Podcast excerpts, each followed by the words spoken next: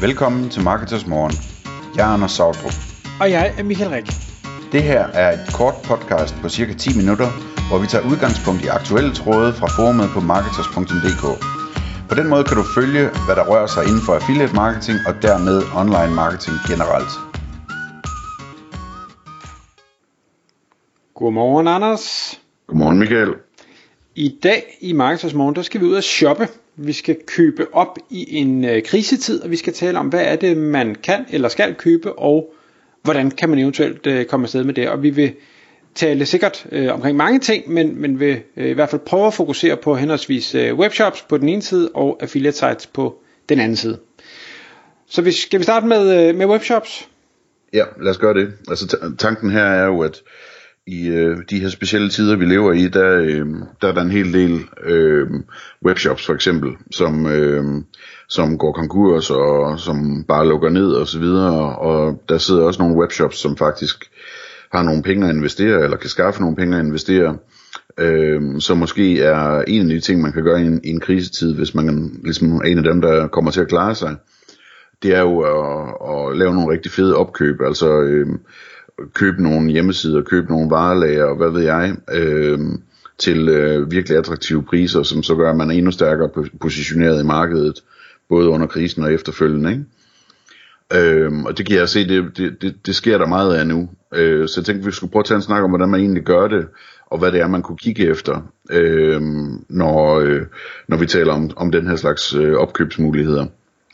Øh, og det første man måske kunne sige, jamen det er, hvis man, hvis man skulle finde øh, webshops, som går konkurs eller, eller lukker ned, øh, sådan så man kan henvende sig til dem og spørge, om man kan købe deres varelager eller hjemmeside eller hele deres forretning.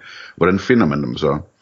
Og det oplagte, det er jo, øh, det er jo at, at kigge på konkurslister for eksempel, som bliver opdateret løbende, og se om der dukker noget op der. Men mit indtryk det er, at rigtig mange af de webshops, som lukker ned, de ikke går konkurs. De lukker, man lukker bare forretningen ned. Øhm, og spørgsmålet er så, hvordan finder man det? Altså, hvordan finder man frem til de hjemmesider? Øhm, og der vil jeg tro, jeg ved ikke om du er enig, Michael, men mit bedste bud vil være, at øh, ligesom man laver nogle tilpassede Google-søgninger, øh, som man så kører en gang om ugen eller et eller andet, altså en Google-søgning, hvor man siger, at jeg vil gerne se søgeresultater, der er fra den seneste uge kun, og hvor der står øh, ophørsudsalg, eller øh, hvad hedder det, webshoppen lukker, eller et eller andet. Øh, sådan den der slags søgeord, dem skal man selvfølgelig øh, justere efterhånden, så man laver søgningerne for at finde ud af, hvad der virker bedst. Øh, og, og så simpelthen skimme de første to-tre sider på Google igennem en gang om ugen, for at se om der er, er kommet øh, en ny øh, webshop, som, øh, som meddeler på deres hjemmeside, at at de på en eller anden måde kører udsalg, fordi de lukker, eller at, at, at webshoppen nu er lukket, eller et eller andet den stil, ikke? Giver det mening, at det er sådan, du vil gøre det også? Eller? Det, det er i hvert fald et godt udgangspunkt. Jeg synes, jeg, jeg vil på ingen måde afskrive det her med, med konkursdelen. Øhm, den, den, vil jeg, den vil jeg helt klart også kigge ind i, også fordi jeg har set så mange eksempler på, på virksomheder, der har formået at, at, at opsnappe enten øh, domæner eller varelager eller, eller andre ting, brands, øh, til, til latterlige penge. Øh, simpelthen fordi de har, har fokuseret på det, og fordi at der ikke har været andre, der måske har fokuseret på det, og derfor så har den advokat, der nu står for at, at opgøre det her konkursbo, ikke rigtig haft andre at, at sælge til, og formår heller ikke rigtig at, at de forstår det sgu ikke, mange af dem. Øh, så de aner ikke, hvad ting er værd, så derfor så kan man købe noget meget, meget billigt. Ja. Øhm, jeg sidder og tænker på, hvad med de der virksomhedsbørser og sådan noget? Må ikke også, der er, der er en del af de der webshops, som lukker, som, som øh, poster, at de er til salg på, nu kan jeg ikke huske, hvad de hedder, den der fra Amino og så videre, ikke? Uh, Saxis? Ja. Jo, det er der formentlig. Øh, jeg tror ikke, det er der, man finder de bedste deals, umiddelbart. Nej, nej. Øh, ej, jeg, jeg vil, jeg vil ikke gå efter det andet. Okay, så øh, det er i hvert fald det er nogle bud på, hvordan man kan finde de her, der er i sådan nogle situationer, ikke? Øh, der er sikkert også andre hacks til at, at finde frem til, hvem der lige pludselig er på vej ud. Ikke? Øh, men hvis man så har fundet nogen, så lad os sige, at vi har fundet, vi må hellere sige, at vi har fundet 10, fordi det der kommer nu, det er jo, at øh, jeg spørger dig, Michael, hvordan man øh, sikrer sig en god pris, og det, øh, Det gør man ligesom, når du køber hus, ikke? det er i hvert fald en mulighed. Ja. Og hvordan er det? Jamen, altså, igen, når, når jeg køber øh, investeringsejendomme, så, så er det meget anderledes end øh, når jeg køber et sted, hvor jeg skal bo, hvor det er vigtigt for mig, at øh, det er et rigtigt område, og at huset ser ud på en bestemt måde, og alt det her. Øh, når, når det er investeringsejendom, så er det en, en business case, hvor der bliver regnet på tallene, og øh, jeg ved jamen, cirka, hvad, hvad kan jeg få ind i husleje, hvad, vil det, hvad koster det i, alle, i forsikringer og, og fis og ballade, hvad er det for nogle reparationer, der skal laves, hvor meget skal der sættes af til vedligehold, og så kan jeg egentlig regne ud, hvad må det her hus koste. Så jeg er fuldstændig ligeglad med, hvad huset er udbudt til. Det er et regnestykke, der hedder, hvad må det koste? Øh, og så byder jeg det eller lavere, og øh, hvis de siger nej, jamen, nå okay, så går jeg videre og laver regnestykket på et andet hus. Nu skal det siges, med huse, der er nok flere, end der er af, ikke fordi der er masser af webshops, men, men hvis det skal være en bestemt niche, så begynder man jo at indsnævre feltet øh, på, det er fint nok, du siger, at jeg vil kun give den her pris, men, men hvis der kun er øh, to til salg, så får du nok ikke nogen af dem, nødvendigvis. Øhm, så, så jeg ved ikke, om man kan helt sammenligne det, men, men jeg synes, man skal prøve at lave regnestykker. Jeg havde faktisk en dialog med en, en, en rigtig skarp gut her den anden dag, hvor han siger, at han var ved at købe en webshop, om jeg havde en idé om, hvad sådan noget skulle koste. Så siger jeg, det, det afhænger jo helt af, hvad du kan og vil med det her. Det er ikke så meget, hvad er varelæret værd, og hvad har de brugt af penge på at lave en shop og ting og sager.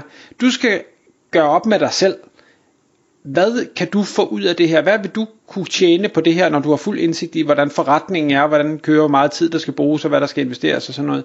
Og så finde ud af, hvad må det koste for dig? Hvad, hvad sælger vil have, er fuldstændig irrelevant i det her regnestykke.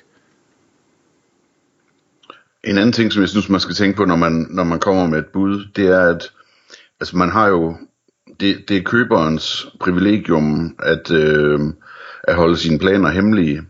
Øh, så man skal passe på, når man, når man taler med de her, øh, de her webshops, som, som så er til salg, at man, ikke, øh, at man ikke fortæller dem for meget om, hvad man synes, der er værdifuldt ved dem. Om det er vejlæret, eller det er domænet, eller linkprofilen, eller kundelisten, eller hvad det er.